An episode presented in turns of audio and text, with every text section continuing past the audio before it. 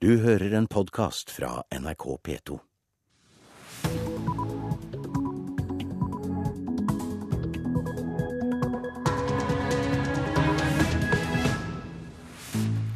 Klokka er 6.30, du hører på P2s Nyhetsmorgen. Det er tirsdag 22. mai, og jeg heter Hege Holm. Dette er hovedsaker i nyhetene akkurat nå. Ingen vet hva rakettskjoldet over Europa kommer til å koste. Virke forstår bøndenes frustrasjon, men foreslår likevel å fjerne alle ordninger som beskytter norske bønder. Egentlig så er det et slag under beltestedet, og så omfavner de deler av en, men den omfavnelsen den er ganske kald.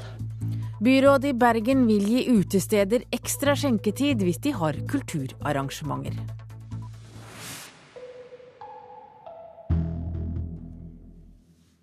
Aller først i denne sendinga skal vi til Nato-toppmøtet i Chicago, som eh, i går snakket om rakettskjoldet. For eh, første fase av president Barack Obamas reviderte rakettforsvar for Europa er nå formelt overført til Nato. Antirakettraketter på amerikanske skip i Middelhavet og en amerikansk radar i Tyrkia skal bidra til forsvaret mot eventuelle raketter fra Iran. Senere skal mer avanserte raketter utplasseres i Polen, Romania og på skip i Østersjøen, Nordsjøen og eventuelt i Barentshavet. Dette er en plan Norge støtter, sier forsvarsminister Espen Barth Eide. Vi er altså for, vi har vært med på å ta beslutningen. Vi mener at dette er riktig. Vi mener at dette passer inn i den satsingen bl.a. vi har hatt på å styrke eh, Natos evne til kollektivt forsvar, til å ivareta artikkel 5-forpliktelsene. I dagens sikkerhetspolitiske situasjon så er missilskjold en naturlig del av det. Eh, så spørsmålet er mer hva, eh, hva slags kapasiteter har vi som egner seg til dette. Og Det er et arbeid vi kommer til å drive med fremover, men det er altså ikke noen umiddelbar plan om f.eks. å bruke norske fregatter. Ja, det sa altså Espen Barth Eide. Og utenrikskommentator Gro Holm, du er i Chicago og du fulgte, har fulgt møtet. Hvorfor vil Nato-landene ha rakettforsvaret når det både koster mye og ingen virker, e-, vet egentlig om det virker i praksis?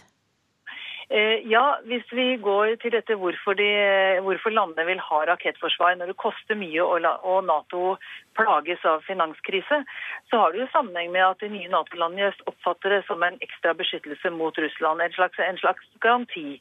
Eh, for det andre så er dette viktig for USA, og Obama kunne ikke droppe rakettskjoldet uten å få kraftig kritikk fra sin egen kongress.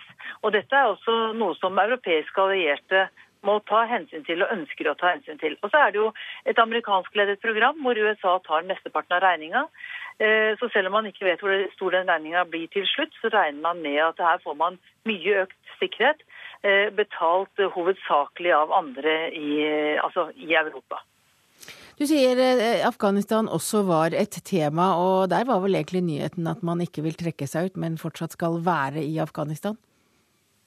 Ja, Man trekker jo ut kampstyrker, så det blir jo en annen type engasjement enn det er nå, etter 2000 og, eller fra og med 2015. Eh, men eh, det blir altså Nato-ledet, og så blir det vel slik antagelig at de landene som ønsker å, eh, å delta, de kommer til å delta, og andre kommer kanskje til å delta med å gi penger, men ikke komme med soldater. Men for Norges vedkommende så er det jo snakk om å sende soldater for å hjelpe til med militær trening og rådgivning. Takk til deg, utenrikskommentator Gro Holm.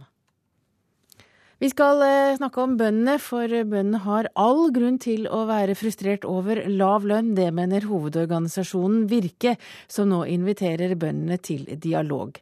Men bondeorganisasjonene sier blankt nei til tilbudet. Virke foreslår nemlig å fjerne flere ordninger som skal beskytte bøndene.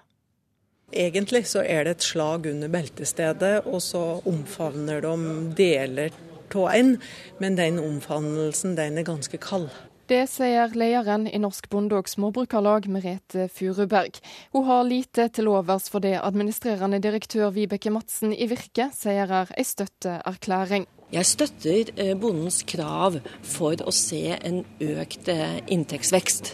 Eh, men det må altså gjøres gjennom at vi er villige til å se på, er vi ikke helt overbevist om, regulatorrollen og målprisesystemet. For det er målprisene som ikke har gitt den inntektsveksten som bonden ønsker. Den gir altså ikke det resultatet noen ønsker i verdikjeden. Målpriser og andre markedsregulerende system er ment å sikre at bøndene får inntekter, og at de får levert produktene sine. Ved å gå til åtak på disse tiltakene kommer Virke ingen vei i sin dialog med bøndene. Det fastslår lederen i Norges Bondelag, Nils T. Bjørke. Først vil jeg jo si at det, det er jo positivt at Virke vil ha et levende landbruk i hele landet. Men det som er paradokset, er jo at her angriper du en del av bærebjelkene i norsk landbruk. De angriper markedsreguleringen som gjør at bønder over hele landet kan få levere til forutsigbare priser og sikre avsetning. Det er jo selve fundamentet for å ha et landbruk i hele landet. Bøndene og dagligvarekjedene er i samme båt, mener Virke. Merete Furuberg i Norsk Bonde- og Småbrukarlag er langt fra samd. Vi er uh, helt, helt i to forskjellige eh, verdener, to forskjellige båter, rett og slett. Og hun kan ha rett. Virke er nemlig ikke sikker på om det er plass til alle småbruk her i landet. Jeg tror at dette vil eh, gagne først og fremst en inntektsvekst for bonden, og det vil gagne forbrukeren. Så vil det nok eh, gå utover, eh, tror jeg, noen, eh, noen bønder. At vi f.eks. ser at det enkelte steder vil være behov for større eh, enheter. I går demonstrerte flere enn 2000 bønder i Oslo sentrum. De frykter for framtida og er sinte fordi regjeringa ikke vil gi dem mer penger. Vibeke Madsen er derfor skuffa over at bøndene ikke vil gå i dialog med Virke. Jeg er overrasket over at eh, man sånn umiddelbart ikke er villig til engang da å si hm, interessant, la oss sette oss ned og diskutere og se. For innovasjonen er jo til stede hos bonden, det har vi jo sett. Og reporter her var Eli Bjelland. Da skal vi til Sverige, der det er en stor dag i dag. For eh, i dag bærer altså kronprinsparet sin datter Estelle til dåpen. Og reporter Kirsti Marie Skrede, hva vet du om hvordan kronprinsparet ønsker at dåpen skal foregå? Det blir sagt at eh, kronprinsesseparet skal ha eh, gått inn i eh, seremonien og lagt planer sjøl, og vært engasjert i valg av salmer og i hvem som skal lese tekster og sånne detaljer. Men om seremonien, hvordan den blir, så sier Hoff at en må vente til seremonien starter klokka tolv. Det som er helt sikkert, er at det blir en tradisjonell dåpsseremoni i tråd med liturgien til den svenske kirka og at jenta blir døypt av eh, erkebiskop Anders Weiryd. Ja, I svensk kongelig dåp så er det jo lange tradisjoner, bl.a. når det gjelder dåpskjolen. Eh, hva vet du om den? Ja, Vesle Estelle hun blir døypt i samme kjole som mor si, som morfaren, kongen, og som oldefar. Eh, dåpskjolen er i silke og blonde og er fra 1906. Og siden den tid har alle kongelige barn i Sverige blitt døypt i nettopp denne kjolen. I dag er det altså prinsesse Estelle sitt navn som blir brodert inn i lag med alle de andre barna som har hatt kjolen på. Så det er tradisjonell eh, dåp. Ja, døpefonten den har jo også vært brukt eh, før? Ja, den tradisjonen går eh, mer enn 300 år tilbake. Um, det er en enorm døpefont, veldig flott, i sølv. 50 kilo sølv. Til daglig står han i skattkammeret på Slottet. Um, og, og, sist den ble henta fram derifra, det var i 1982, da prinsesse Madeleine ble døpt.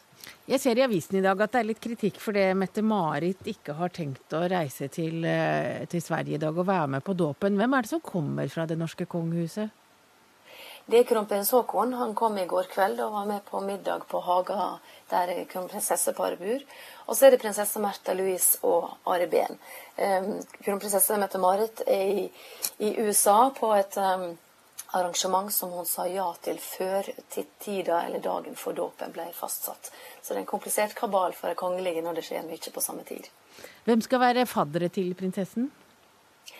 Ja, det, Alle regner med at kronprins Haakon er på fadderlista. Eh, slottet her vil ikke gå ut med det før seremonien starter, men eh, kronprins Haakon han står eh, kronprinsesse Victoria svært nær. Og alle regner med at Victoria viderefører tradisjonen med at den kommende kongen i Norge er fadder for den svenske tronfølgeren. Kong Harald er jo kronprinsesse Victoria sin fadder. Carl Gustav er kronprins Haakon sin fadder. Og Victoria er fadder til prinsesse Ingrid Alexandra. Så her er det lange tradisjoner. Men kronprinsparet har bedt om Og de som vil gi gave, de skal gi penger. Hvorfor penger? Ja, det henger i hop med at uh, kronprinsesseparet etablerte et fond da de gifta seg i 2010. Og dette fondet ønsker de skal bygges opp, og, og, og ei pengegave til fondet ved å hjelpe til det. Men det blir nok veldig mange tradisjonelle dåpsgaver. Jeg har lest at eh, onkel prins Carl Philip, som òg er på lista over faddere som blir, eh, det blir spekulert i, han har designa sølvskeie til, til jenta. Og Okkelbo kommune, der eh, far, prins Daniel, er ifra, har gitt kirsebærtre. Og Stockholm kommune har gitt pæretre. Så her er litt for framtida på, på mange vis. Takk til deg, reporter Kristi Marie Skredde. Du følger altså seremonien eh, i eh, Sverige i dag. Da har vi kommet fram til dagens ferske aviser. Tidligere Yara-sjef Torleif Enger er siktet for grov korrupsjon i forbindelse med Yaras virksomhet i Libya, men avviser at han har gjort noe straffbart, skriver Dagens Næringsliv. Enger ble pågrepet og siktet sist fredag sammen med de to nåværende Yara-direktørene Tor Holba og Hallgeir Storvik, skriver avisen. Adresseavisen skriver at en omfattende psykologisk test avslørte at Anders Behring Breivik systematisk forsøkte å lure de som utførte testen. Det kommer fram i sakkyndigrapporten fra psykiaterne Aspås og Tørrisen. Flere av Senterpartiets fylkesledere varsler regjeringskrise dersom bøndene ikke får et kraftig inntektsløft neste års jordbruksoppgjør. Vi kan ikke sitte i en regjering som gir så dårlige tilbud to år på rad, sier Ola Smeplass i Nordland Senterparti til Klassekampen. Bryter bøndene forhandlingene, ender de med statens tilbud. Bøndene er sjakkmatt og reglene må endres, sier Senterpartiets parlamentariske leder Anne Tingelstad Wøien til Nasjonen. I Vestfold er det avdekket tre tilfeller av nødhjelpssvindel. Hvem som helst kan samle inn penger til veldedige formål, og vi lar oss lure, skriver Aftenposten. Ikke kast Jesus ut av Grunnloven, krevde Kristent Samlingsparti utenfor Stortinget i går. De demonstrerte mot grunnlovsendringen som skiller stat og kirke, skriver Vårt Land. Norge kan si farvel til Europa, skriver Bea. Det er Branns midtbanespiller Roldolf Austin som langer ut mot norsk dommerstand etter fotballkampen søndag. Sjarmerkaneren har fått 22 gule og tre røde kort siden 2008. Tollvesenet har avslørt en ny trend. Dødelig dop sendes med posten, skriver avisa Nordlys. Sykkelbølgen i Rogaland når nye høyder. Elleve nye klubber og 2000 nye medlemmer siden 2009, forteller Stavanger Aftenblad på sin forside. Dagbladet er i dag opptatt av bruktbilkjøp, og har snakket med profesjonelle bruktbilselgere, og deres råd er bl.a. at man skal bruke hodet like mye som hjertet når en kjøper brukt bil. Dagsavisen skriver også om bilboom. Stadig flere kjøper egen bil, og dette kan føre til trafikkaos og klimaknipe, skriver avisen. Og VG forteller i dag at det ikke er noen ende på knallværet i Sør-Norge. Norge kan bli varmere enn Syden i slutten av uka.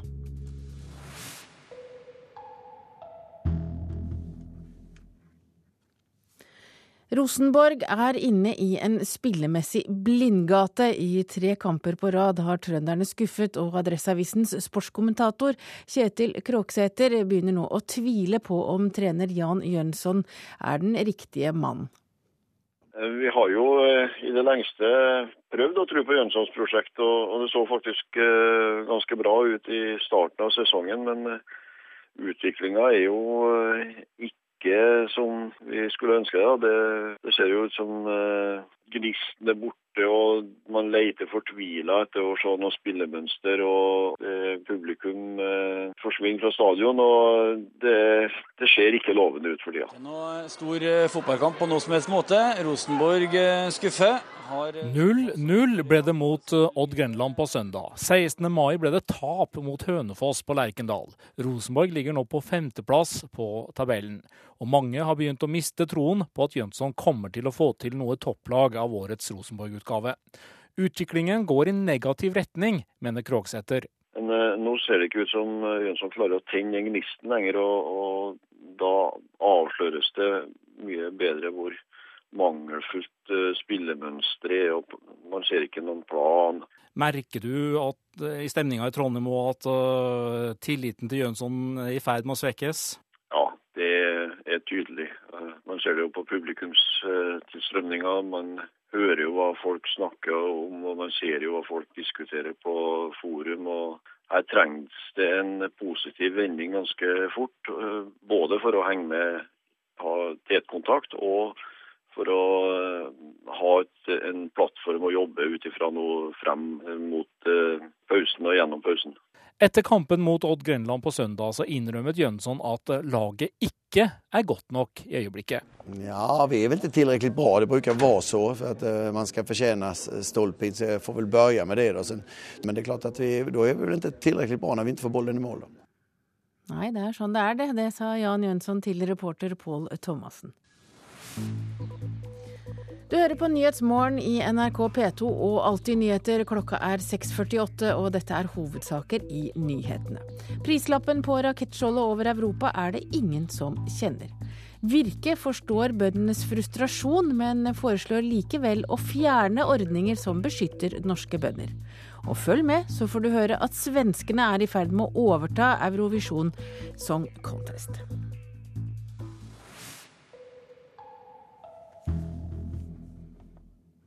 Politikk i Barentsregionen høres kanskje litt kjedelig ut, men sannheten er at nå kan alle og enhver få være med å bestemme på hva som skal skje i regionen i flere tiår framover.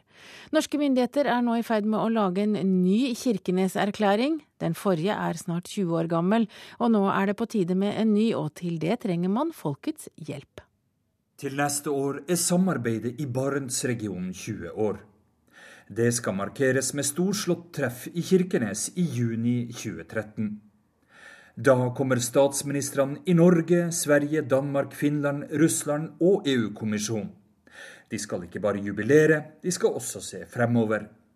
Grunnlaget for Barentssamarbeidet er Kirkenes-erklæringa fra 1993.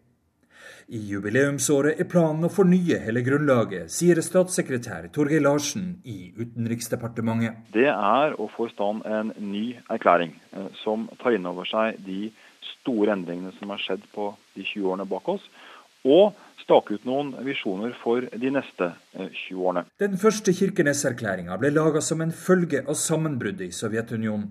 Den etablerte Barentsrådet som regjeringenes samarbeidsorgan. Den etablerte også regionalt samarbeid, det som kalles for folk-til-folk-samarbeidet. Den gang var det kloke hoder i politikk og administrasjon som pønska ut teksten. Nå vil Larsen ha med seg folket i å lage en ny erklæring. Målet hans er klart. Få inn innspill, ideer, tanker uformelt fra så mange kreative hold som mulig. Selv om Barentssamarbeidet blir betegna som en suksess, så er det laga av andre enn de som bor i regionen. Rundt seks millioner mennesker bor her. Rundt 4,5 millioner av dem bor i den russiske delen. Men erklæringa og grunnlaget for samarbeidet er oppkalt etter byen Kirkenes. Der er ikke kunnskapen og interessen for denne typen storpolitikk like stor. Jeg har jo fulgt litt med. Det har jo med Barentsgreiene der. Har du hørt om Kirkenes-erklæringa? Nei. Det er den som er grunnlaget for Barentssamarbeidet. Har du hørt om Barentssamarbeidet? Nei. Jeg føler ikke så mye med, så jeg er ikke rette person å prate med. Kirkenes-erklæringa, har du hørt om den? Nei. Ja, nei. Nei. Kirkenes-erklæringa, nei. Kan gå ut på den. Med begrensa kunnskap om den nåværende Kirkenes-erklæringa er det også begrensa hva folket har tenkt ut om den nye. Nei, jeg vet ikke, men jeg tror kona kunne hatt noe. Torgeir Larsen i Utenriksdepartementet forteller gjerne hva det er slags innspill de ønsker. Man ser 20 år fram i tid, så er det et helt annet aktivitetsnivå i denne, denne regionen. Og det, det, trenger vi på en måte felles visjoner for både å, å styre, men også felles visjoner for å utnytte. Det kan kanskje bli tungt for byråkratene og politikerne i Oslo å få inn folkets røst. Bibliotekar Nina Strimp på biblioteket i Sør-Varanger er opptatt av dette. Og hun har et forslag til Torgeir Larsen. Det er kanskje litt lurt å ha noe lignende på et folkemøte. Og da får vi masse innspill. For det vi opplever her på biblioteket i Sør-Varanger, at folk er veldig engasjerte i disse grenseproblematikkene. Ja, kanskje et folkemøte på biblioteket. Reporter her var Morten Ruud. Eurovision Song Contest er i ferd med å bli svensk. Aldri før har flere deltakerland brukt svenske låtskrivere til å skrive sangene for seg. Og i dag starter altså den første delfinalen i Eurovision Song Contest i den aserbajdsjanske hovedstaden Baku.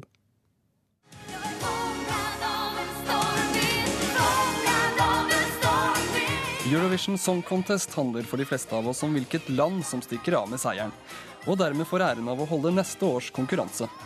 Men Eurovision er jo egentlig en låtskriverkonkurranse, og på låtskriversiden har Sverige større sjanse enn noen gang til å vinne.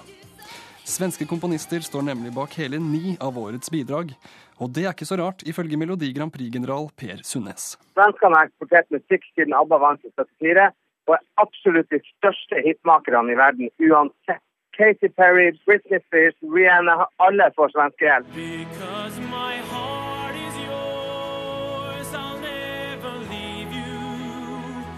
Artist og låtskriver Hanne Sørvåg har skrevet låter for norske og utenlandske Melodi Grand Prix-deltakere. Annet My Heart Is Yours, som ble det norske bidraget i 2010. Hun forteller å ha kjent konkurransen fra svenske låtskrivere på kroppen. Ja, absolutt. Nå hadde jo jeg en låt fra Tyskland med i 2008. Og så hadde jeg en låt fra Georgia med i 2010, som var i Eurovision. Og begge de åra der så var det mange av de andre landene. Aserbajdsjan hadde svenske låtskrivere, og ja, det var flere iallfall. Og vi kjenner jo hverandre. sånn at på Eurovision så satt jeg bare og så over på nabobordene og bare Å ja, hei, Robert, og hei, Niklas. så de er, de er, alltid veldig godt representert. Sørvåg forteller at med så mange svenskkomponerte låter, så er det fare for at låtene kan bli for like. Det er jo liksom arven de har, da. Det, det som gjorde ABBA så stort, det var jo det enkle, men samtidig geniale. Det er noe komplisert som har blitt gjort enkelt for folk flest å forstå, da.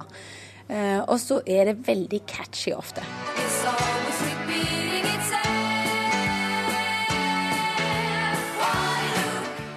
Og at bidrag med svenske aner kan bli for like, ja, det er lederen for den norske Melodi Grand Prix-klubben, Morten Thomassen, helt enig i. Det er jo litt likt, og det er jo ikke veldig mye originalitet i mange av de svenske låtene. Det er jo de har en slags formula som liksom Dette skal gå igjen i Eurovision-formelen, som kan til tider være ganske smal.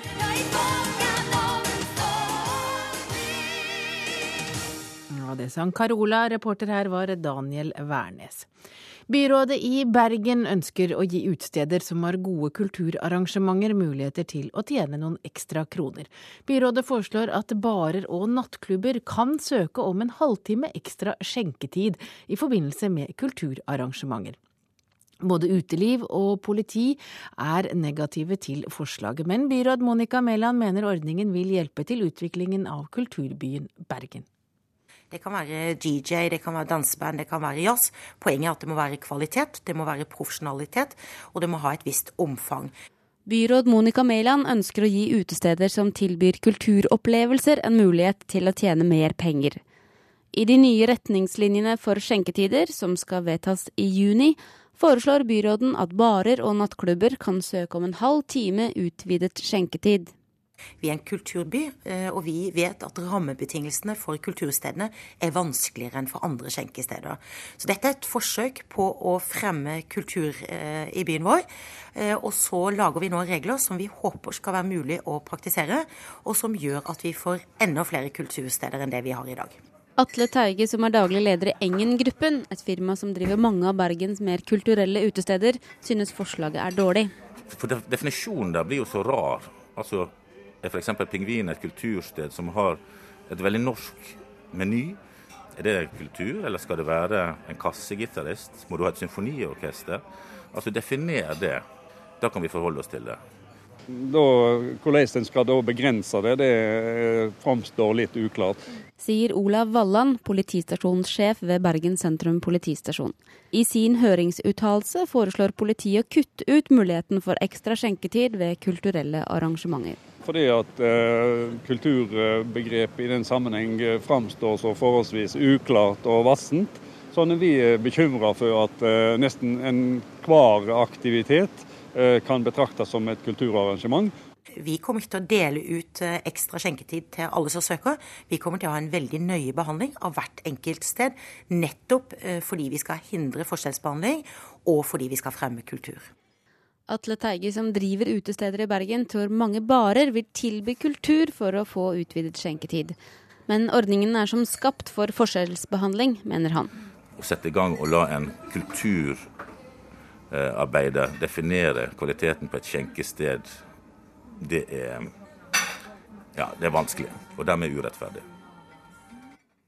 Og det var reporter Helena Rønning som hadde testet utelivet i Bergen.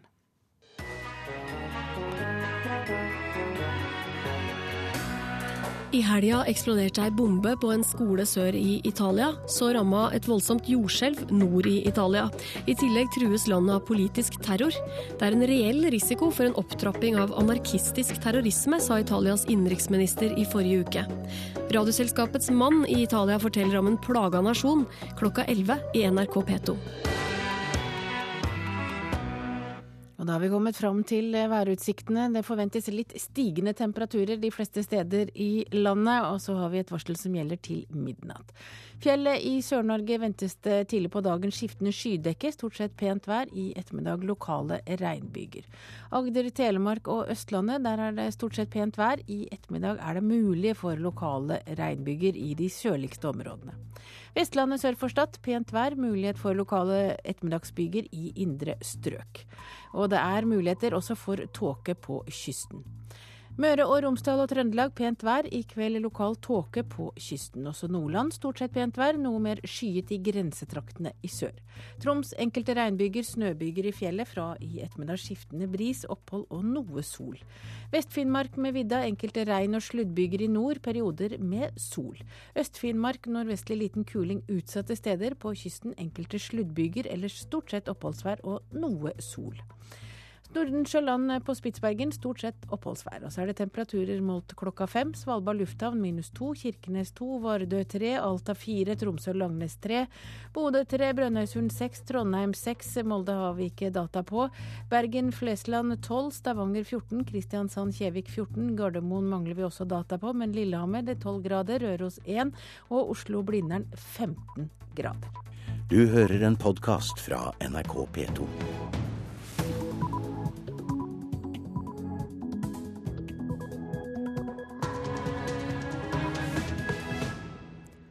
Da er klokka sju, du hører på Nyhetsmorgen og jeg heter Hege Holm og her er en nyhetsoppdatering. Du blir fortere frisk med bare delvis sykemelding, viser undersøkelse. Eh, og det tredje er at vi ser at det faktisk også er færre personer eller færre tilbakefall når man bruker gradert sykemelding. Det sa Nav-direktør Joakim Lystad. Tidligere konsernsjef i Yara er siktet for grov korrupsjon. Ta med deg ekstra mye kontanter hvis du skal til utlandet. Og vi skal bruke Melodi Grand Prix for alt det er verdt, sier menneskerettighetsforkjemper Malahat Nasibova fra Aserbajdsjan. På overflaten er situasjonen blitt noe bedre, men bunn og grunn er det ingenting som har forandret seg pga. Melodi Grand Prix. Korrupsjonen er som før, sier den prisbelønnede journalisten. Kvinner er de klart flinkeste motorsyklistene, og det har biologiske årsaker, hevder Trygg Trafikk. MC-fører Vibeke Lassen Høgseth har sine tanker om hvorfor. Altså, det er jo det jeg sjøl har erfart, at de trenger noen år på seg for å bli trygge på at de faktisk ser tøffe ut på sykkel uten å svinkjøre. Nyhetsmorgen. Og da skal vi snakke om eh, det å være syk og bli frisk, for folk flest blir nemlig friskere av å jobbe litt når de er sykemeldte. Hvis du får delvis sykemelding istedenfor å være helt borte fra jobben når du er syk, blir du fortere frisk og mindre syk etterpå. Det viser en analyse fra Nav. Hvis jeg hadde vært min egen sjef, så hadde jeg gitt meg sparken for, eh, for et år siden, liksom. Veldig lett, liksom. Men slik går det ikke. For 32-åringen fra Oslo ble rådet av legen til å ta en gradert sykemelding. Men legen min anbefalte meg å ikke kjøre 100 med 80, men heller prøve så godt du kunne. Vær på jobben og still opp og vis deg og hjelp dem med sånne andre ting, liksom. Nå er det langt på vei bevist. Aktivitet og oppfølging fra arbeidsgiver og leger gjør oss i alle fall ikke sykere, sier Nav-direktør Joakim Lystad. Ja, Vi tror det er tre årsaker til det. Det ene er jo at eh, når den er gradert, så er man faktisk på jobb samtidig med at man er syk. Det er det ene. Eh, det andre er at vi ser man blir raskere friskmeldt. Sykeperioden er kortere. Eh, og det tredje er at vi ser at det faktisk også er færre personer eller færre tilbakefall når man bruker gradert sykemelding. Blir man friskere av å være på jobb enn å la være? Ja, Det ser i hvert fall ikke ut som man blir sykere. Eh, vi skal vel kanskje være forsiktige med å si at arbeid er helsebringende eh, i denne fasen her. Men eh, det er helt opplagt at vi ser en effekt av å bruke gradert sykemelding istedenfor enten helt syk eller helt frisk. For første gang er alle sykemeldingene fra 2002 til 2010 undersøkt, og Nav-analysen viser at den enkelte blir fortere frisk, og at færre blir syke med graderte sykemeldinger. Dessuten smitter det lavere sykefraværet i tiden etterpå. Når andelen graderte sykemeldinger økte med ett prosentpoeng, gikk sykefraværsraten ned med to prosent. Det er spart lidelse for den enkelte, og det betyr 700 millioner kroner spart i året for skattebetalerne. Vi ønsker jo at bruken av gradert sykemelding skal eh, øke, eh, og vi tror at det å være i kontakt med arbeidsgiver, det å være i kontakt med den syke i sykdomsperioden, er viktig. Sier Nav-direktør Joakim Lystad. Det kan 32 år gamle Christian Nybråten fra Oslo skrive under på. Uh, hvis du sliter med småting, at du bare låser deg inne og bare håper på at det går over. Uh, så jeg tror det er, veldig viktig å få beveget seg, kommet ut, møtt kolleger og prøve å komme litt av arbeid, for det tror jeg er en del av medisinen. altså. På tross av sykemelding er veien fremover klar. På jobben så, så merker jeg jo at det er mye mer positivt. Og jeg, jeg, er sånn som liker å jobbe, så jeg gleder meg til å jobbe liksom fullt 100% For jeg, det er ikke sånn at jeg har lyst til å være noen dager hjemme og noen dager på jobb. Jeg har lyst til å være 100% på jobb. Ja, Reportere her var Ellen Borge Christoffersen og Hedvig Bjørgum. Og Trond Egil Hansen, du leder Allmennlegeforening, og dette er vel en gladnyhet at man blir fortere frisk av å være på jobben? Ja, og Dette er vel en bekreftelse av en kunnskap vi har hatt, at eh, dersom arbeid er mulig, så er det helsebringende å være på jobb. Eh, og motsatt eh, helseskadelig å være fullt sykemeldt. Og det handler nok om å være en del av et fellesskap hvor en får anledning til å yte, bli verdsatt, utvikle og nyte godt av de relasjonene som man har til kolleger og leder. Eh, Men har du inntrykk av at eh, arbeidsgivere legger forholdene til rette, slik at eh, folk som er på graderte sykemeldinger skal få meningsfullt arbeid? Ja, det er jo det som er utfordringen. fordi at dette er jo arbeidsmiljøfaktorer som jeg snakker om. Og veldig mange trenger tilrettelegging for å kunne være på jobb når arbeidsevnen er nedsatt. Og der ser vi at arbeidsgivere er veldig forskjellige. Noen får det til, og noen andre får det ikke til. Eh, og det er neppe helsebringende å komme på jobb dersom en blir stående uten arbeidsoppgaver og får tilbakemeldinger om hvorfor er du her, er ikke du sykemeldt, burde du ikke holde deg hjemme til du er helt frisk, sånn som vi også dessverre hører en del om. Hvilken rolle spiller dere legene når det gjelder å, få lagt forholdene til rette? Nei, Vi har jo flere roller. Vi skal jo for det første gi eh, god behandling til den tilstanden som pasienten er eh, syk av. Eh, ellers så er vi jo viktige rådgivere inn i eh, denne dialogen mellom arbeidsgiver og arbeidstaker. Men avklaringen av hva som er mulig av tilrettelegging og i hvilken Eh, grad gradert sykemelding er mulig, gjøres først og fremst på arbeidsplassen med legens råd. Men jeg vil jo tro at det er en del jobber hvor det er vanskelig å komme tilbake bare delvis? Det er nok en del arbeidsoppgaver som er vanskelig å gjøre delvis. Og når vi erfarer at ikke alle arbeidsgivere får det til, så Eh, kan det være rett og slett hvordan arbeidet er organisert, eller arbeidets art, som ikke gjør det mulig? Hva slags sykdommer er det som gjør at man kan jobbe gradert? Nei, Det er jo et veldig stort mangfold, og vi må være oppmerksom på at eh, en del sykdom utelukker arbeid helt. og Det er også en pasientgruppe som vi må ta oss godt av og, og ivareta på en god måte. Men i de aller fleste tilfellene så er det mulig å gjøre noe.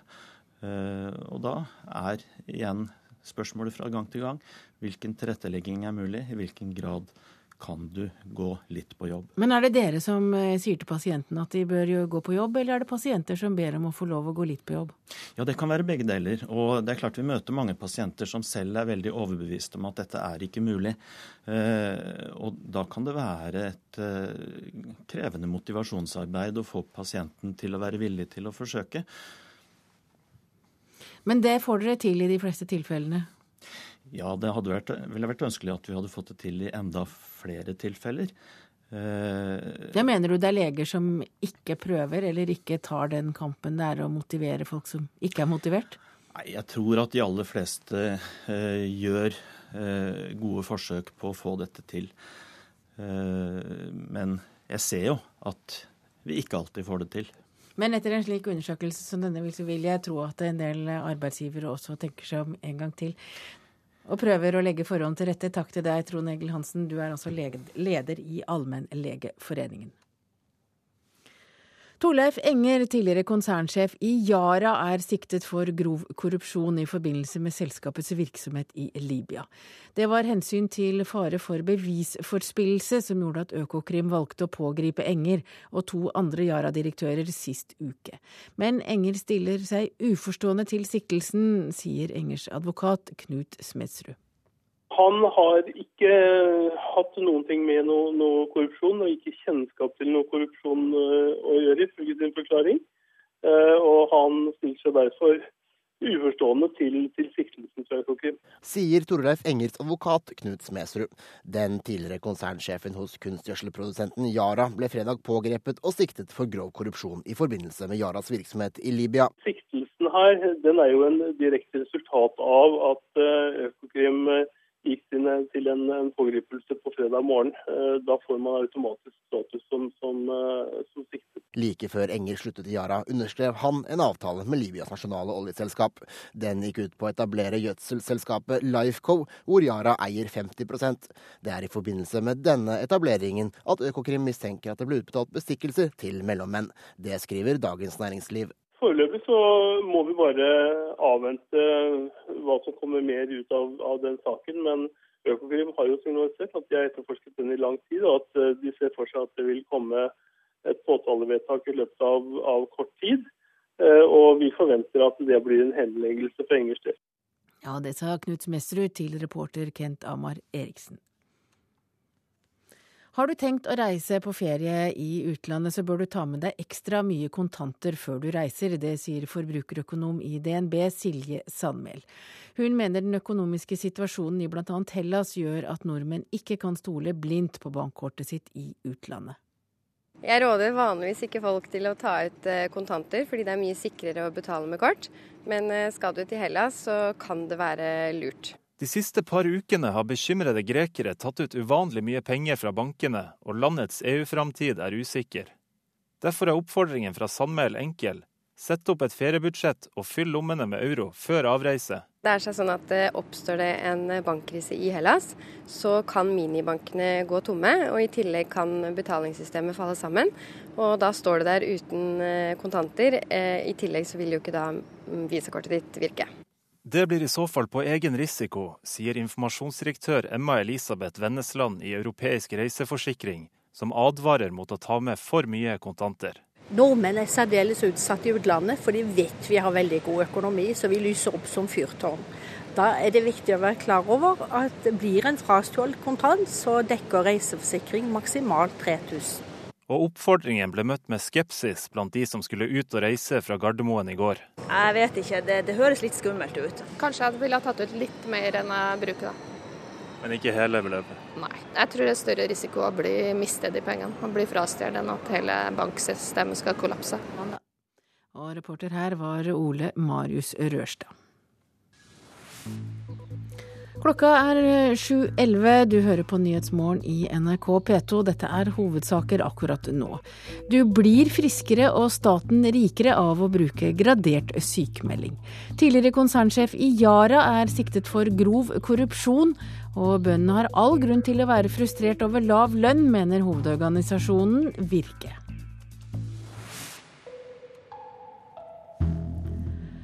Natos toppmøte i Chicago ble preget av Afghanistan og finanskrise. Et tjuetalls felles prosjekter ble framhevet som eksempler på at Nato tenker kreativt i ønsket om å bevare forsvarsevnen under økonomisk press. Men ingen kjenner prislappen på rakettskjoldet over Europa, rapporterer Gro Holm fra Chicago. Første fase i Obamas reviderte rakettforsvar for Europa ble erklært overført til Nato på toppmøtet her i Chicago. Antirakettraketter på amerikanske skip i Middelhavet og en amerikansk radar i Tyrkia skal bidra til forsvaret mot eventuelle raketter fra Iran. Senere skal mer avanserte raketter utplasseres i Romania, Polen og på skip i Østersjøen, Nordsjøen og muligens også Barentshavet. Norske fregatter har bidratt med radarhjelp i tester utført av det amerikanske rakettforsvarsprogrammet. Hvor sannsynlig er det da at Norge sier nei til USAs ønske om europeiske bidrag til rakettforsvaret? Forsvarsminister Espen Barth Eide svarer. Ja, vi har ikke noe behov for å si nei, fordi vi er altså for. Vi har vært med på å ta beslutningen. Vi mener at dette er riktig. Vi mener at dette passer inn i den satsingen bl.a. vi har hatt på å styrke eh, Natos evne til kollektivt forsvar, til å ivareta artikkel 5-forpliktelsene. I dagens sikkerhetspolitiske situasjon så er missilskjold en naturlig del av det. Eh, så spørsmålet er mer hva, eh, hva slags kapasiteter har vi som egner seg til dette. Og Det er et arbeid vi kommer til å drive med fremover, men det er altså ikke noen umiddelbar plan om f.eks. å bruke norske fregatter. Det de kunne gjøre, er å inngå i en fartøysgruppe der våre fregatter eh, bistår med en slags nærbeskyttelse til andre fartøyer som mer direkte inngår i missilforsvaret som sådan. En av utfordringene ved rakettforsvaret er at muligheten til å lure antirakettrakettene er stor. Kort fortalt klarer ikke disse rakettene å skille mellom et atomstridshode, en ballong eller andre former for lokkeduer. Barth Eide legger ikke skjul på problemet. Dette er jo store tekniske utfordringer som man er høyst klar over. Og det er helt riktig at eh, det er nærliggende å tro at noen som faktisk ville gjennomføre et atomangrep, ville avfyre både raketter med stridshoder og raketter uten stridshoder for å forvirre forsvarssystemene. Men da gjelder det jo å videreutvikle teknologien slik at den eh, blir bedre til eh, å skille. Dette er jo en langsiktig satsing. Så er altså prisen høyst usikker. Det finnes tall, men flere medlemsland, bl.a. Frankrike, har uttrykt bekymring for at kostnadene kan løpe løpsk og ramme det konvensjonelle forsvaret i Nato. Barth Eide er enig i at prisen kan bli høy. Eh, men det er også svært gode grunner til at man bruker en del penger på å sørge for at man eh, ikke eh, blir utsatt for teknologi, utsatt for missilangrep fra f.eks.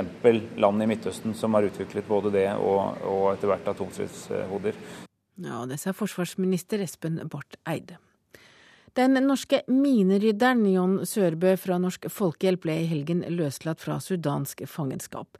Sørbø ble pågrepet i slutten av april og anklaget for ulovlig å ha krysset grensen mellom Sør-Sudan og nabolandet i Nord-Sudan. Og Lars Sigurd Sunnan, du er vår Afrikakorrespondent. Hva vet du om fangenskapet og løslatelsen? Nei, Vi venter fortsatt på Sørbøs egen beretning om hva som skjedde både før han ble anholdt i grenseområdet mellom Sudan og Sør-Sudan, og om hvordan oppholdet i fangenskap i Khartoum har vært. Men det har neppe vært enkelt for regimet i Khartoum å slippe ham fri. Både han og de tre andre minerydderne som ble tatt, ble jo fremstilt som bevis på at Sør-Sudans styrker i grenseområdene ble assistert av utenlandske militære eksperter. og nå er altså alle fire løslatt etter at Sør-Afrikas tidligere president Thabo Mbeki meklet på høyt plan direkte overfor Sudans president Omar al-Bashir. Men vi venter altså på mineryddernes egne beretninger, og de kommer jo snart. Eh, det er vel ikke så lenge til Søbe kom hjem til Norge fra Sør-Sudans hovedstad Juba, dit han kom et FN-fly i går etter løslatelsen i Khartoum. Ja, hvor alvorlig er konflikten mellom Sør-Sudan og Sudan i det grenseområdet der Sørbø ble Det er fortsatt svært spent. Eh, Sudan anklages for å fortsette bombetokt mot mål inne i Sør-Sudan. Dette benektes i Khartoum. Eh, men samtidig så anklager nå Khartoum Sør-Sudan for å forsyne opprørsbevegelsen i Sør-Kordofan, som er en delstat i Sudan, med våpen og, og materiell. Så også her strides partene. og Det er veldig spent. Men begge lands regjeringer er under et enormt internasjonalt press for å få bilagt stridighetene og komme til forhandlingsbordet. og etter samtalen med Omar al-Bashir i Khartoum sier nå Tabo Mebeki at starttidspunktet for forhandlinger kan faktisk komme nå denne uken, men det er ikke alle observatører som deler den optimismen. Ja, Hvor stor eh, sannsynlighet er det for at eh, Sør-Afrikas tidligere president eh, vil lykkes?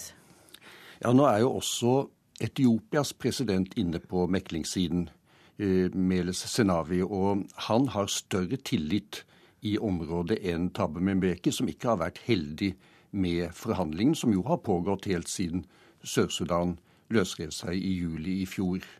Men det er klart at nå er både Sør-Sudan og Sudan i store økonomiske vanskeligheter. Og nettopp det kan altså nød lære naken kvinne å spinne. Dette kan være kimen til at man kanskje nå finner en løsning slik at Sør-Sudan kan gjenoppta sin oljeproduksjon og få sendt oljen gjennom Sudan i rørledningssystemet til Port-Sudan, og at man dermed kan også bli enige om en pris som Sør-Sudan skal betale for å bruke rørledningsnettet i nord. Takk til deg, Lars Sigurd og vår Afrika-korrespondent.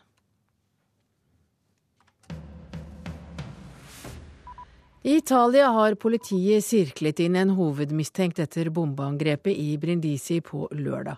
Etter å ha gjennomgått overvåkingsbilder har politiet identifisert en middelaldrende mann som sannsynligvis detonerer bomben med en fjernkontroll. De tror han har handlet alene. En 16 år gammel jente ble drept og ti andre skoleelever skadd i angrepet. I India skal minst 14 mennesker være drept da et passasjertog kolliderte med et godstog sør i India i dag. Over 70 er skadd i ulykken, melder The Times of India. Det oppsto også brann i en av vognene, men den skal være under kontroll. I Chile førte president Sebastian Pineras årlige tale til, til nasjonen til voldelige protester i går. Presidenten innrømmet at regjeringens politikk har vært feilslått, og han ba om tilgivelse for spesielt studentenes situasjon. Minst 20 personer skal være arrestert etter opptøyene. Og president Bashar al-Assad og hans regime i Syria har begått eh, forbrytelser mot menneskeheten, mener Amnesty International. Menneskerettighetsorganisasjonen viser til at president Bashar al-Assad har gitt grønt lys til dødelig eller overdreven voldsbruk mot fredelige demonstranter.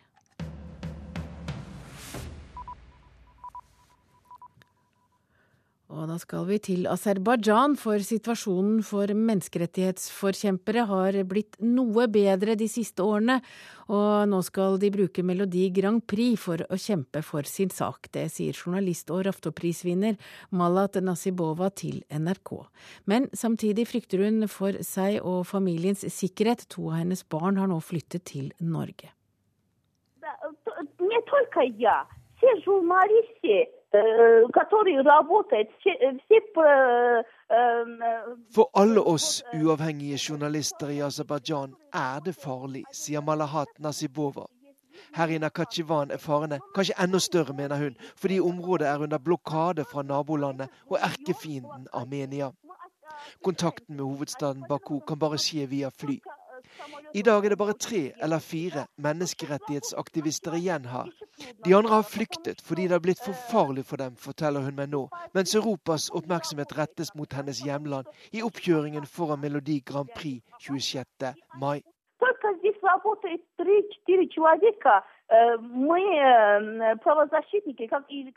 All oppmerksomhet er nå rettet mot oss få som er igjen her, sier Malahat Nasibova som vet at myndighetene nettopp i disse dager følger Raftoprisvinneren fra 2009 spesielt nøye.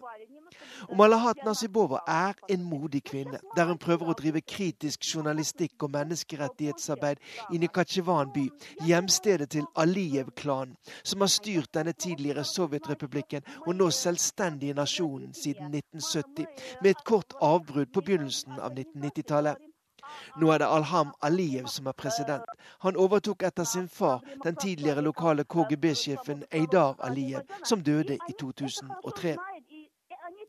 To av Malahats egne barn har valgt å flykte fra Aserbajdsjan og har nå fått politisk asyl i Norge. Sønnen, som fremdeles bor i Aserbajdsjan, lever et farlig liv med trusler og trakassering, sier Malahat Nasibova, tydelig engstelig i stemmen правда, что это сегодня лучше, это положение лучше, чем год назад.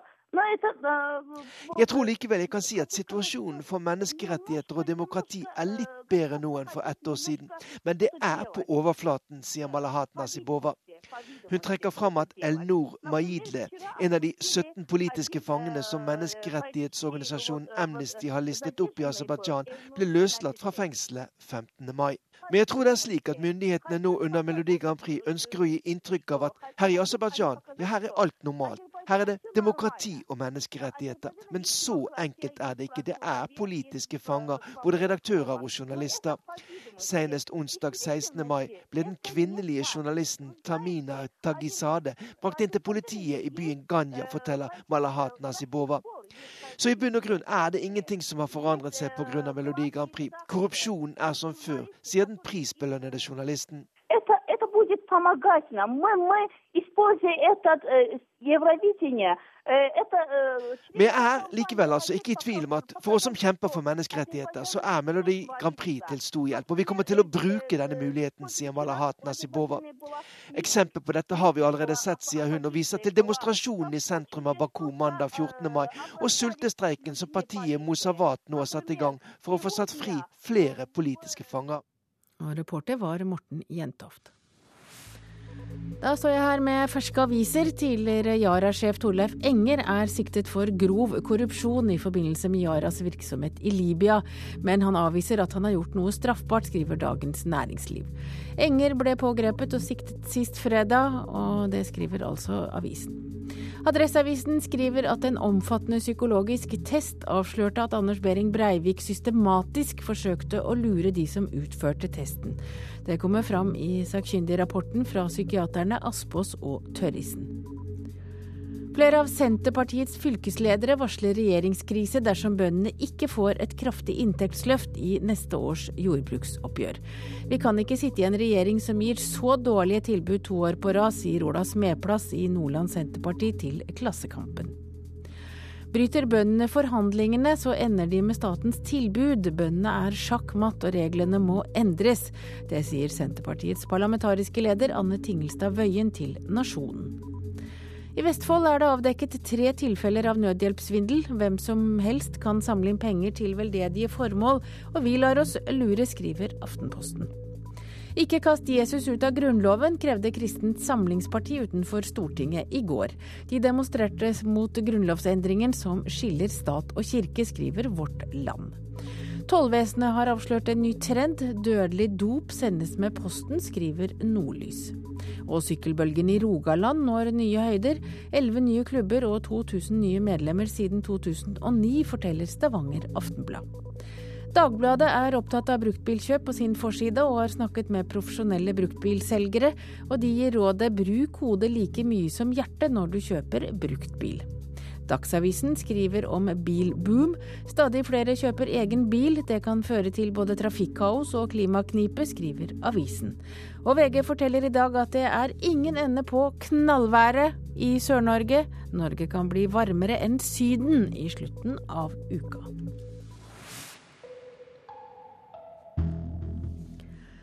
Kvinner er de klart flinkeste motorsyklistene, og det har biologiske årsaker, mener Trygg Trafikk, og allierer seg med politikere i Midt-Norge for å finne tiltak. De siste fem årene har urovekkende mange av dødsulykkene på motorsykkel involvert unge menn.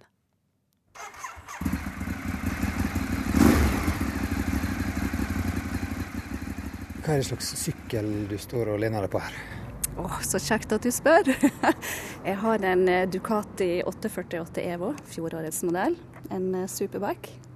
Knallrød. Knallrød. Ja. Italiensk skal jo være rødt, helst.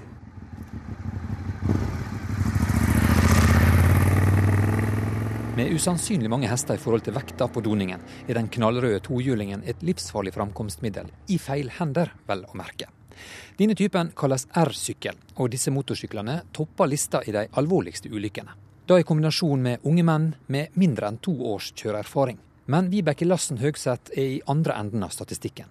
Kvinne med lang erfaring. Det er vel mer når jeg stopper og tar av meg hjelmen at jeg har fått mest reaksjon opp gjennom årene. Jeg merker jo at denne sykkelen er mye mye mer krevende enn de syklene jeg har hatt før. da.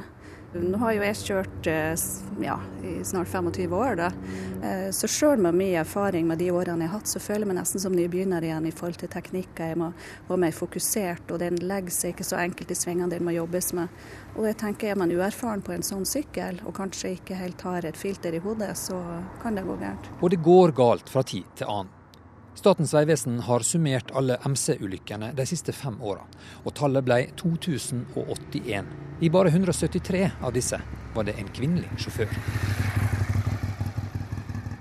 Ja, hadde jeg hatt fasiten på det, så hadde jo sikkert mange liv vært spart.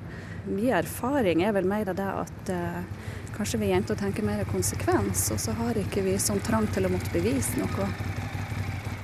Altså, det er jo det jeg sjøl har erfart, at de trenger noen år på seg for å bli trygg på at de faktisk ser tøffe ut på sykkel uten å svinkjøre og kjøre på bakhjulet. Hvis du tar ned foten, klarer på sykkelen, så velter du.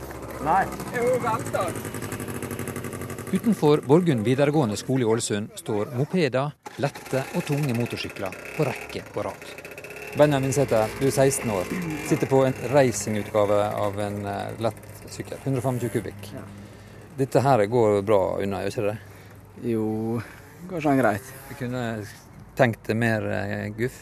Ja, absolutt. Men eh, er du eh, veldig opptatt på å holde fartsgrense, følge regelverket og sånn, eller hender det seg at du, når du ser det i klar bane, at du drar på litt?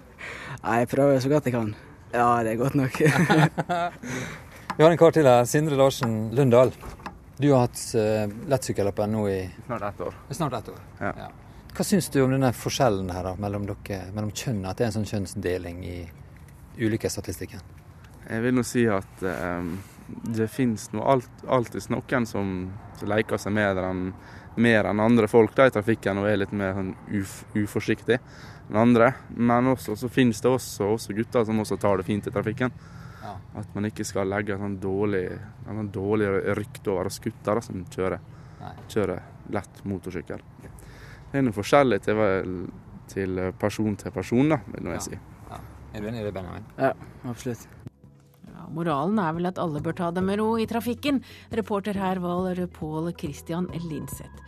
Du hører på Nyhetsmorgen i NRK P2. Klokka den er øyeblikkelig 7.30, og da er det tid for Dagsnytt. Etter Dagsnytt skal vi til Spania, som nå er på vei inn i en økonomisk krise. Men i én region går det svært bra, nemlig i Gibraltar. Og hvorfor, det får du høre hvis du følger med i P2s Nyhetsmorgen. I Politisk kvarter skal det handle om arbeidslivet under en borgerlig regjering. Produsent for Nyhetsmorgen Silje Katrine Bjarkøy, jeg heter Hege. Hør ekko. Året er 1981. Gro blir Norges statsminister, og mange er sjokkert. Til en slik post så syns jeg det er bedre med mann. Sikkert hun bra som menneske og alt mulig, men ikke som statsminister. Hvor mange land tror du ledes av en kvinne i dag? Under 10% av verdens nasjoner. Ekko 9 11 i NRK P2. Sykmeldte blir mye friskere av å jobbe litt, viser ny stor undersøkelse. Økokrim sikter enda en tidligere Yara-sjef for grov korrupsjon. Svenske låtskrivere står bak nesten hvert fjerde bidrag i årets Melodi Grand Prix. God morgen, her er NRK Dagsnytt klokken 7.30. Folk flest blir veldig mye friskere av å jobbe litt mens de er sykemeldte. Dersom du får delvis eh, sykemelding i stedet for å være helt borte fra jobben når du er syk, blir du fortere frisk og mindre syk etterpå, viser en ny stor undersøkelse fra Nav. Christian Nybråten sliter med fysiske plager. Han holdt på å gå hjem og bli der. Hvis jeg hadde vært min egen sjef, så hadde jeg gitt meg sparken for, eh, for et år siden, liksom. Veldig lett, liksom. Men slik går det ikke. For 32-åringen fra Oslo ble rådet av legen til å ta en gradert sykemelding. Men legen min anbefalte meg å ikke kjøre 100 med 80, men heller prøve så godt du kunne. Vær på jobben og still opp og vis deg og hjelp dem med sånne andre ting, liksom. Nå er det langt på vei bevist. Aktivitet og oppfølging fra arbeidsgiver og leger gjør oss i alle fall ikke sykere, sier Nav-direktør Joakim Lystad. Ja, Vi tror det er tre årsaker til det. Det ene er jo at eh, når den er gradert, så er man faktisk på jobb samtidig med at man er syk. Det er det ene. Eh, det andre er at vi ser man blir raskere friskmeldt. Sykeperioden er kortere. Eh, og det tredje er at vi ser at det faktisk også er færre personer eller færre tilbakefall når man bruker gradert sykemelding. For første gang er alle sykemeldingene fra 2002 til 2010 undersøkt, og Nav-analysen viser at den enkelte blir fortere frisk, og at færre blir syke med graderte sykemeldinger. Når andelen graderte sykemeldinger økte med ett prosentpoeng, gikk sykefraværsraten ned med to prosent. Det er spart lidelse for den enkelte, og det betyr 700 millioner kroner spart i året for skattebetalerne. Vi ønsker jo at bruken av gradert sykemelding skal eh, øke, eh, og vi tror at det å være i kontakt med eh, arbeidsgiver, det å være i kontakt med den syke i sykdomsperioden, er viktig. Reportere her var Ellen Borge Christoffersen og Hedvig Bjørgum. Leder i Allmennlegeforeningen Trond Egil Hansen mener dette viser at arbeidsgiverne må bli flinkere til å legge til rette for gradert sykemelding. Veldig mange trenger tilrettelegging for å kunne være på jobb når arbeidsevnen er nedsatt. Og Der ser vi at arbeidsgivere er veldig forskjellige. Noen får det til, og noen eh, andre får det ikke til. Eh, og det er neppe helsebringende å komme på jobb dersom en blir stående uten arbeidsoppgaver og får tilbakemeldinger om hvorfor er du her, er ikke du sykemeldt, burde du ikke holde deg hjemme til du er helt frisk, sånn som vi også dessverre hører en del. Tidligere konsernsjef i Yara, Torleif Enger, er siktet for grov korrupsjon i forbindelse med selskapets virksomhet i Libya. Frykt for bevisforspillelse gjorde at Økokrim valgte å pågripe Enger og to andre Yara-direktører i forrige uke. Enger stiller seg uforstående til siktelsen, sier advokaten hans, Knut Smedsrud. Han har ikke hatt noen ting med noe, noe, korrupsjon, og ikke kjennskap til noe korrupsjon eh, å gjøre, ifølge sin forklaring. Og han stiller seg derfor uforstående til, til siktelsen fra Økokrim. Sier Torleif Engers advokat Knut Smedsrud. Den tidligere konsernsjefen hos kunstgjødselprodusenten Yara ble fredag pågrepet og siktet for grov korrupsjon i forbindelse med Yaras virksomhet i Libya. Siktelsen her den er jo en direkte resultat av at Økokrim eh, gikk til en, en pågripelse på fredag morgen. Eh, da får man automatisk status som, som, som siktet. Like før Enger sluttet i Yara, underskrev han en avtale om å opprette gjødselselskapet Lifeco sammen med Libyas nasjonale oljeselskap. Et oljeselskap med tette bånd til det da beryktede Gaddafi-regimet.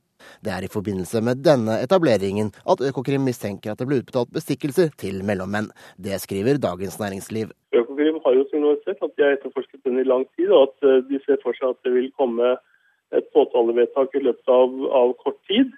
Eh, og vi forventer at det blir en henleggelse for Engers del. Reporter Kent Amar Eriksen.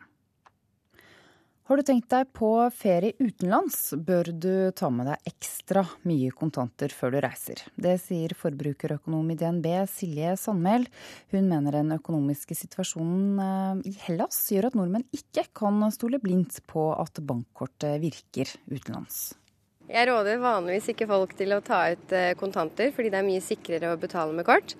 Men eh, skal du til Hellas, så kan det være lurt. De siste par ukene har bekymrede grekere tatt ut uvanlig mye penger fra bankene, og landets EU-framtid er usikker. Derfor er oppfordringen fra Sandmæl enkel. Sett opp et feriebudsjett og fyll lommene med euro før avreise. Det er sånn at eh, Oppstår det en bankkrise i Hellas, så kan minibankene gå tomme. og I tillegg kan betalingssystemet falle sammen. og Da står det der uten eh, kontanter. Eh, I tillegg så vil jo ikke da mm, visakortet ditt virke. Det blir i så fall på egen risiko, sier informasjonsdirektør Emma Elisabeth Vennesland i Europeisk reiseforsikring, som advarer mot å ta med for mye kontanter. Nordmenn er særdeles utsatt i utlandet, for de vet vi har veldig god økonomi, så vi lyser opp som fyrtårn.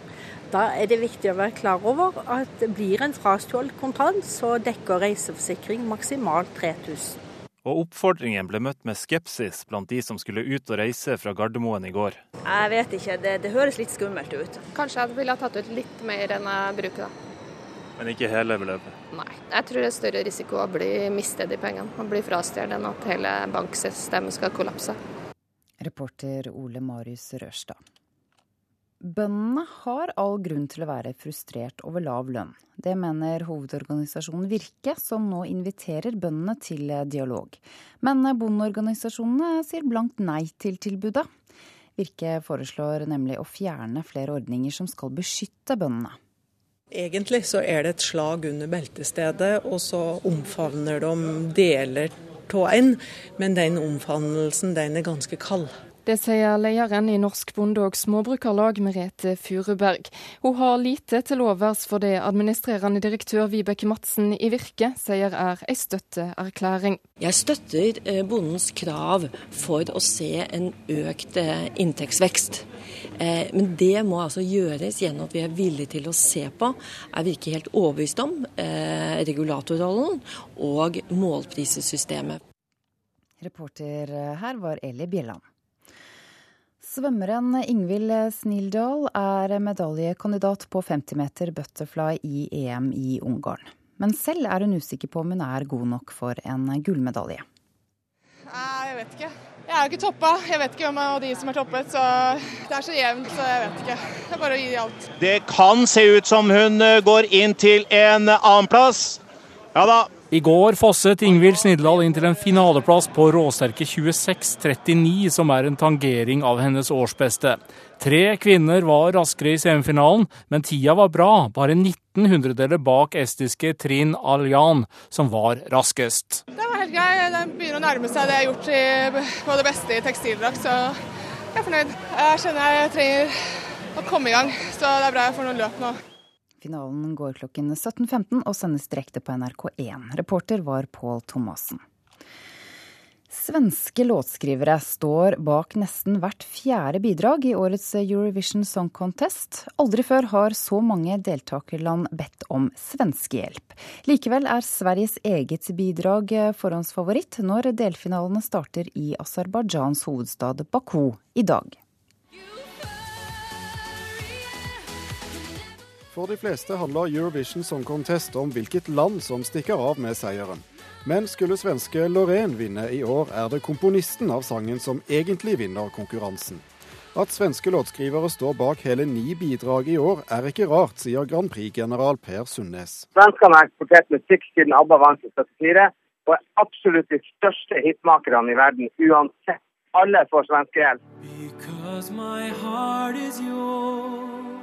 Hanne Sørvåg skrev det norske bidraget i 2010 sammen med nettopp en svenske.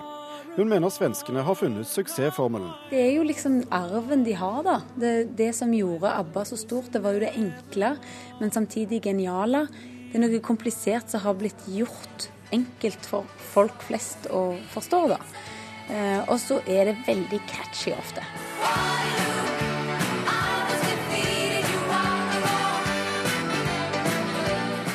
Men alle de svenske låtskriverne både i år og opp gjennom historien kan gjøre at sangene blir for like, mener Morten Thomassen, leder i den norske Grand Prix-klubben. Det var en slags formula som liksom Dette skal gå igjen i Eurovision-formulaen, som kan til tider være ganske smal. Det er mye av det som er likt, og det er mye av det du på en måte føler at du har hørt før.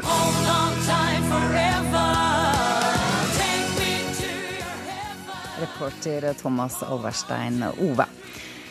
Ansvarlig for denne sendingen Erlend Rønneberg, teknisk ansvarlig Hanne Lunås, jeg Trida Creed.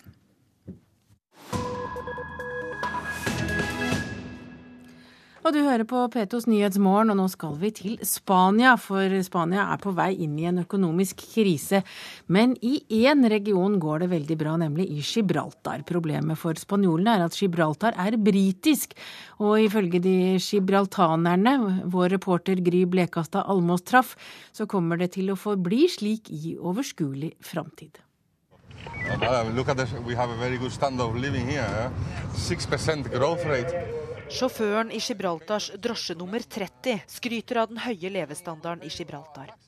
Plassert på sørspissen av Spania, midt i EU, men det britiske territoriet har en økonomisk vekst på 6% Ingen her ønsker seg inn i Spania, sier Luigi Vinet. Spain, the there and the, and the way they run the things, who wants to be part? Men fakta er at den nye spanske regjeringen har forsterket kravet om herredømme over Gibraltar. Luigi viser fram ett av flere oppslag i Gibraltar-avisa om hvordan spanjolene behandler gibraltarerne som okkupanter. He says we are squatters here and we, not, we have no rights according to him. He's a foreign minister of uh, Spain, uh, the new one now. Very people. But isn't he right in a way that you are squatting this part of Spain? No, madam. Uh, we've had this longer than Spain has had it. Vi er i taubanen på vei opp på toppen av Gibraltars klippe. Herfra ser man alle de sju kvadratkilometerne som utgjør det omstridte britiske oversjøiske territoriet. Man ser også over til Marokko, og man ser store deler av det Spania som omgir Gibraltar. Apene er Gibraltars største turistattraksjon. Når apene forsvinner, forsvinner også britene, heter det. Nå er det flere aper her enn noen gang. Eh? Domingo Lopez er spansk turist. Han støtter sin regjeringskrav på Gibraltar. Før helgen nådde konflikten et foreløpig klimaks da spanjolenes dronning Sofia i siste liten avlyste sin deltakelse i feiringen av dronning Elisabeth 2.s diamantjubileum i Windsor og London. Begrunnelsen var nettopp striden om Gibraltar. Dronning Elisabeths forlengede arm i Gibraltar, guvernør Adrian James Johns, viser oss rundt i klosteret fra 1500-tallet, som nå er hans residens. Han bekrefter at det for tiden koker rundt spørsmålet om råderetten. Yeah, we have a new uh, government in Spain, a new uh, right-wing government in Spain, which is pressing harder on the sovereignty issues, I think, for Gibraltar. So men britene nekter å diskutere råderetten med spanjolene, slik de nekter å diskutere råderetten over Falklandsøyene med argentinske myndigheter. Og argumentasjonen er den samme. Befolkningen vil være britisk. Og det har den vært i over 300 år. We've had several referendums here over the course of the last few decades, and there is no question that people in Gibraltar want to remain British. And as long as they want to remain British and part of the British family, they will remain so.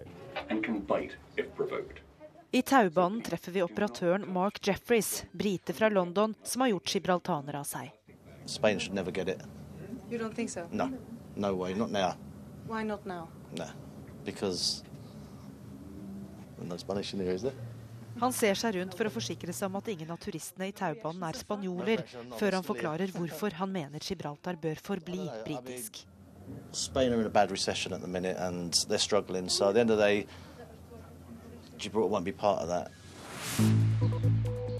Du hører på P2s Nyhetsmorgen. Klokka er 7.44, og dette er hovedsaker i nyhetene. Delvis sykemelding i stedet for å være helt borte fra jobben gjør deg fortere frisk, viser undersøkelse fra Nav. Tidligere konsernsjef i Yara er siktet for grov korrupsjon i forbindelse med selskapets virksomhet i Libya, og bøndene har all grunn til å være frustrert over lav lønn, mener hovedorganisasjonen Virke. Og det er Politisk kvarter, og der blir det debatt om arbeidslivspolitikk. Programleder Veronica Westrin. Ja, for bor de borgerlige partiene mener at de med sin nye arbeidslivspolitikk tar over Arbeiderpartiets eh, tidligere politikk. Det får Sosialdemokratene til å reagere.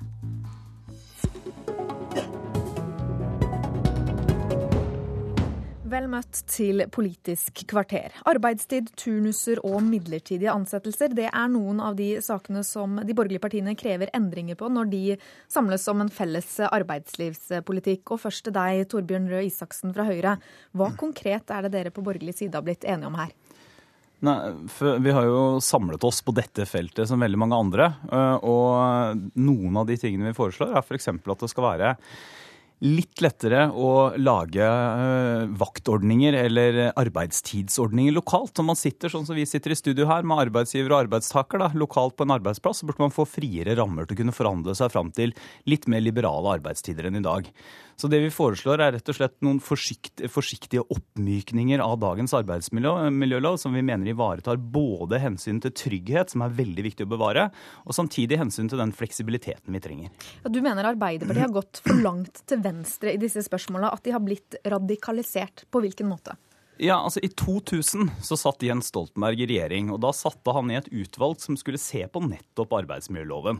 Og Da sa selvfølgelig ikke han, fordi han er en klok mann, så sa han ikke at vi skal kaste alt i loven unna. Han sa at vi skal myke opp loven, modernisere den, tilpasse den til dagens arbeidsliv.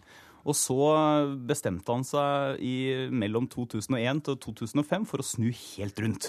Så reverserte han alle de endringene som Høyre hadde gjennomført i regjering, og så strammet de ytterligere inn på loven, noe som gjør at vi dessverre i dag har et regelverk som er mer rigid enn jeg tror Stoltenberg var for i 2000. Anette Trettebergstuen fra Arbeiderpartiet, er du enig i Røe Isaksens analyse av at deres politikk eh, ligner mye på Stoltenbergs i 2001? Nei, altså Jeg registrerer jo at uh, Høyre, når de leter etter en ny arbeidslivspolitikk, uh, ser tilbake på diskusjoner som gikk for elleve år siden, og så kaller de det moderne. Vi i Arbeiderpartiet vi er tvert imot eh, opptatt av å se framover når vi former vår politikk. Vi ser på dagens og framtidas utfordringer i arbeidslivet når vi eh, former vår politikk. og Derfor så er den annerledes enn i 2001. Jeg vil ikke kalle det radikalisert, vi har modernisert oss. Vi er opptatt av å ha et fleksibelt arbeidsliv som også sikrer arbeidstakerne trygghet. Og vi ser jo at det fungerer, for å se på hvordan, hvordan det ser ut i Norge i dag. Vi har rekordhøy sysselsetting. Vi har skapt 300 000 flere arbeidsplasser under denne regjeringa her. Sammen med at vi har styrka arbeidstakernes rettigheter. Vi har ført en aktiv kamp mot sosial dumping som har gjort eh, arbeidsinnvandringa bærekraftig. Og vi troner altså på toppen på statistikken over de landene der det er best å drive næringsliv. Derfor ser nå verden til oss. Og vår arbeidslivspolitikk, som nettopp gir fleksibilitet, men trygghet for arbeidstakerne, er jo grunnplanken i det her. Og det er det her Høyre nå, i et samarbeid med Frp og Venstre, ønsker å eksperimentere med. Og det vil jeg advare mot. Ja. Glemte du KrF også, for de er også med. Og så kan jeg godt fortsette på den listen som Anette Trettebergstuen har over positive ting i Norge. Vi har et godt organisert arbeidsliv. Det er en styrke. Det er viktig at vi har et organisert arbeidsliv i Norge. Og det er også sånn at norsk arbeidsliv i det store og det hele er veldig bra og preget av samarbeid. Men hvorfor trengs det da endringer? Jo, for det, litt av problemet her er at vi, vi, vi skal ikke liksom revolusjonere arbeidsmiljøloven eller fjerne den eller noe sånt, men vi må hele tiden justere for å tilpasse den realitetene i arbeidslivet. Og det som er tilbakemeldingene som jeg vet at både Arbeiderpartiet og Høyre får, det er at ute på veldig mange arbeidsplasser, både private og offentlige, så fungerer ikke loven i praksis. Jeg kan bare ta ett eksempel. I rød-grønne Trondheim så ble det under kommunevalgkampen sist avslørt 26 000 brudd på arbeidsmiljøloven. Og det er klart at Når en lov blir brutt 26 000 ganger, så betyr ikke det at det er greit å bryte loven, men det betyr at man kanskje må vurdere om loven er tilpasset arbeidslivet som det faktisk er? Brudd på arbeidsmiljølovverket er aldri bra, men løsningen på det er jo ikke å på en fri, gi frislepp, slippe helt opp og, og gjøre det til vill vest. Løsningen da er å føre tilsyn og sørge for at reglene blir fulgt. Så dagens arbeidsmiljølov den er moderne, den er fleksibel, den ivaretar arbeidstagerens eh, rettigheter, eh, helsemessige utfordringer. Den ivaretar også arbeidsgivers behov for fleksibilitet. Og jeg er uenig med Torbjørn Isaksen. Altså, når Arbeiderpartiet når vi gjør endringer i vår politikk, og det gjør vi. Eh, et eksempel på det er jo at vi nå eh, ser på om vi kan gjøre det enklere eh, å, å, bruke disse unntaksbestemmelsene i forhold til arbeidstidsordningene. At unntakene du får, kan, kan, gjelde lenger. Det er et eksempel på at vi også er fleksible og tilpasser oss hele tiden det som er dagens utfordringer. Men det er ingenting gærent med dagens arbeidsmiljølov og arbeidstidsordninger. Du kan stort sett få de turnusene du vil ha. 98% av alle ønsketurnuser som søker som blir jo blir Ja, Torbjørn Røe Isaksen. Altså, I dag så, så, kan man ikke overstige ti timer overtid i løpet av sju dager, 25 timer i fire sammenhengende uker. og 200 er det vel i løpet av ett år. Hva ja. konkret er det dere vil gjøre med dette regelverket? Men Det er en annen grense hvis du forhandler og er i en eh, bedrift hvor du er tillitsvalgt og uh, har tariffavtale. Uh, og Det er en ordning som jeg syns er fornuftig. at Hvis man er organisert lokalt, så kan man avtale seg fram til mer fleksibilitet. Og da sier vi at kan mange, man i. Mange, ja, det kan man i dag. Det er det jeg sier. Men hva er det dere vil endre? Nei, Det vi sier er at de rammene burde bli noe mer sjenerøse eh, enn de er i dag for de som er tillitsvalgte. Og vi vil også se på om det som heter gjennomsnittsberegning. Nå skal jeg ikke, Det skal ikke bli for teknisk, dette her, men det betyr rett og slett når du kan ta ut arbeidstiden. Da tror jeg vi skal ha et arbeidsliv som har noen klare grenser for både hvor mye du kan jobbe i løpet av en uke, hvor mye du kan jobbe i løpet av en periode, i løpet av en dag, i løpet av et år, men som vil være litt mer fleksibel på når du kan ta det ut. Se for deg at du jobber jobber i et meieri f.eks., så har du fått et produkt som går kjempebra, og så trenger du i løpet av de to månedene, altså etterspørselen kommer med en gang, så trenger du å få folk til å stå på litt ekstra. Da må det være mulighet til å avtale seg fram til det lokalt eh, på en enklere måte. Så dere vil åpne opp for mer bruk av overtid i kortere perioder? Ja, i kortere perioder. Og her er litt av poenget. altså Når Arbeiderpartiet bruker sånne ord som vill vest og fritt fram og sånn, så er jo det bare, det er jo bare sprøyt. Altså, alle er enige om at vi skal ha en god og trygg arbeidsmiljølov i Norge. Spørsmålet er skal vi ha noen forsiktige oppmykninger, eller skal vi si som Arbeiderpartiet at eh, ikke et komma i loven skal røres. Ja, Trettebergstuen, er det ikke slik at uh, dette kan uh, føre til å gjøre det enklere på mange arbeidsplasser? Altså, Vi i Arbeiderpartiet vi er uh, selvfølgelig for å gjøre det enklere ute på arbeidsplassen. Men poenget her er jo at jeg får ikke helt tak i hva Høyre her vil. For han sier at rammene skal være som de er i dag. Eh, det er kjempeflott. Eh, Men, Nei, jo, men, jo, men Torbjørn, Torbjørn Jeg sa at vi skulle ha grenser. Jo, ikke sant? Arbeidsmiljøloven gir rammer i dag, ikke sant. Så kan man gjennom forhandlinger eh, få stort sett de arbeids, arbeidstidsordningene man ønsker. Det er stort rom for fleksibilitet. Det som er viktig når man, når man får unntak og, og ordner seg til alternative ordninger, er at den ansatte selv skal være med på det.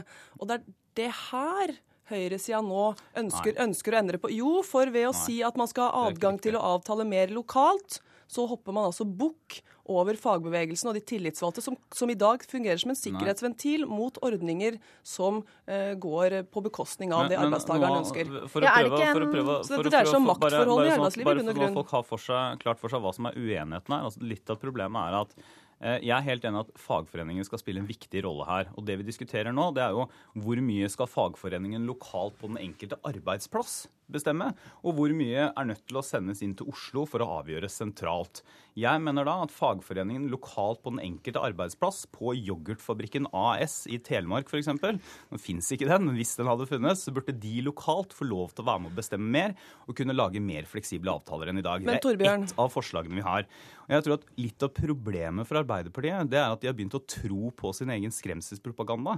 og Dermed så ser de ikke at behovet i norsk konkurranseutsatt industri er stort.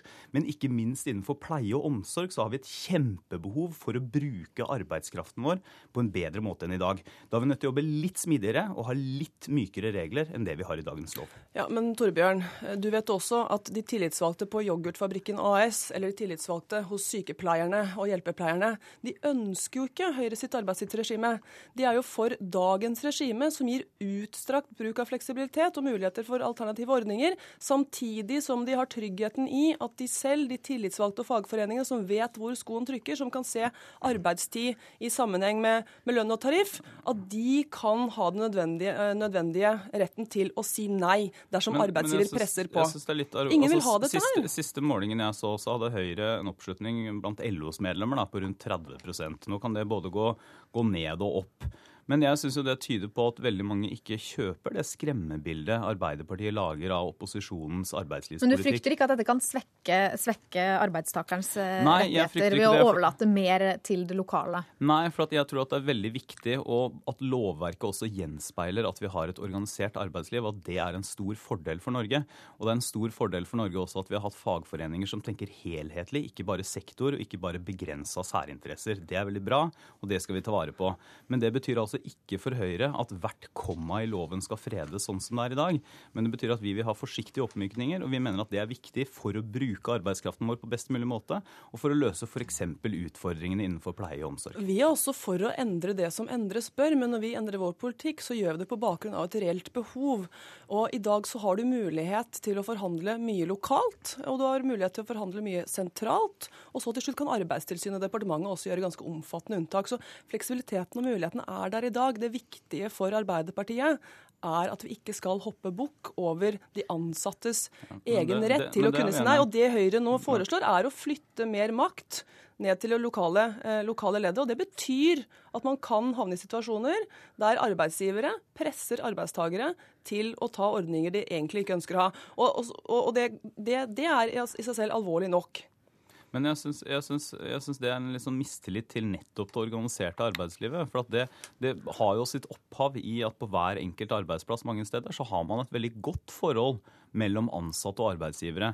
Og noen ganger når jeg hører på noen folk fra venstresida, så høres det ut som norsk arbeidsliv består av en rekke arbeidsgivere som prøver å liv, gjøre livet så nei, surt som mulig ikke. for de ansatte. Og sånn er det jo selvfølgelig nei, ikke. ikke. Så, så, noe av poenget her er at Arbeiderpartiet har dessverre i denne diskusjonen blitt mer katolsk enn paven. Og det er derfor det er verdt å vise nei. til faktisk Jens Stoltenberg for elleve år siden. Tretteberg. For da så Nei, han behovet for disse det er, endringene er Høyre, det er Høyre som, som, tegner opp et karikert skremselsbilde av, av Arbeiderpartiet her. Altså, de tillitsvalgte selv ønsker å beholde dagens modell. Det bør være en rettesord for Høyre. Og Vi i Arbeiderpartiet vi endrer det som endres bør. F.eks. så ser vi nå på om tidsperioden for unntak kan forlenges. Forskjellen mellom oss og Høyre er at vi diskuterer endringene i arbeidstidsordninger og arbeidsmiljølov innenfor trepartssamarbeidet. Nei, det, det, det, er også, det, er også, en annen ting som Arbeiderpartiet konstant gjentar. Men det trepartssamarbeidet til Arbeiderpartiet består jo veldig ofte av to parter. Eh, og det hører du jo, Senest i Aftenposten i dag er det et oppslag hvor mange av de andre fagorganisasjonene utafor LO sier at de føler seg forbigått. Og arbeidsgiversida, som jo også er en del av trepartssamarbeidet, blir jo nesten konstant neglisjert av Arbeiderpartiet. Og det er veldig synd, for det bryter ned en veldig viktig del av det organiserte norske arbeidslivet. Det er heller ikke riktig. Vi lytter til LO, vi lytter til Unio, vi lytter til YS, vi lytter til arbeidsgiversida. Det er viktig med trepartssamarbeidet for å få bærekraftige, gode reformer også i arbeidslivet. Og det er Arbeiderpartiet garantisten for. Eh, en, en, ting til, fordi eh, Vi skal snakke også litt om dette med midlertidige ansettelser. fordi Statens regler for midlertidighet og det er noe dere ønsker over i det private. Torbjørn Røe Isaksen. På hvilken måte vil det gi mer fleksibilitet? Nei, det, det, det, viktige her er at du skal ha fast ansettelser som uh, hovedregel i arbeidslivet. og Det er viktig å slå vakt om. Men samtidig så er det urimelig at staten har et regelverk som gjør at det blir lettere å ansette midlertidig for midlertidige behov.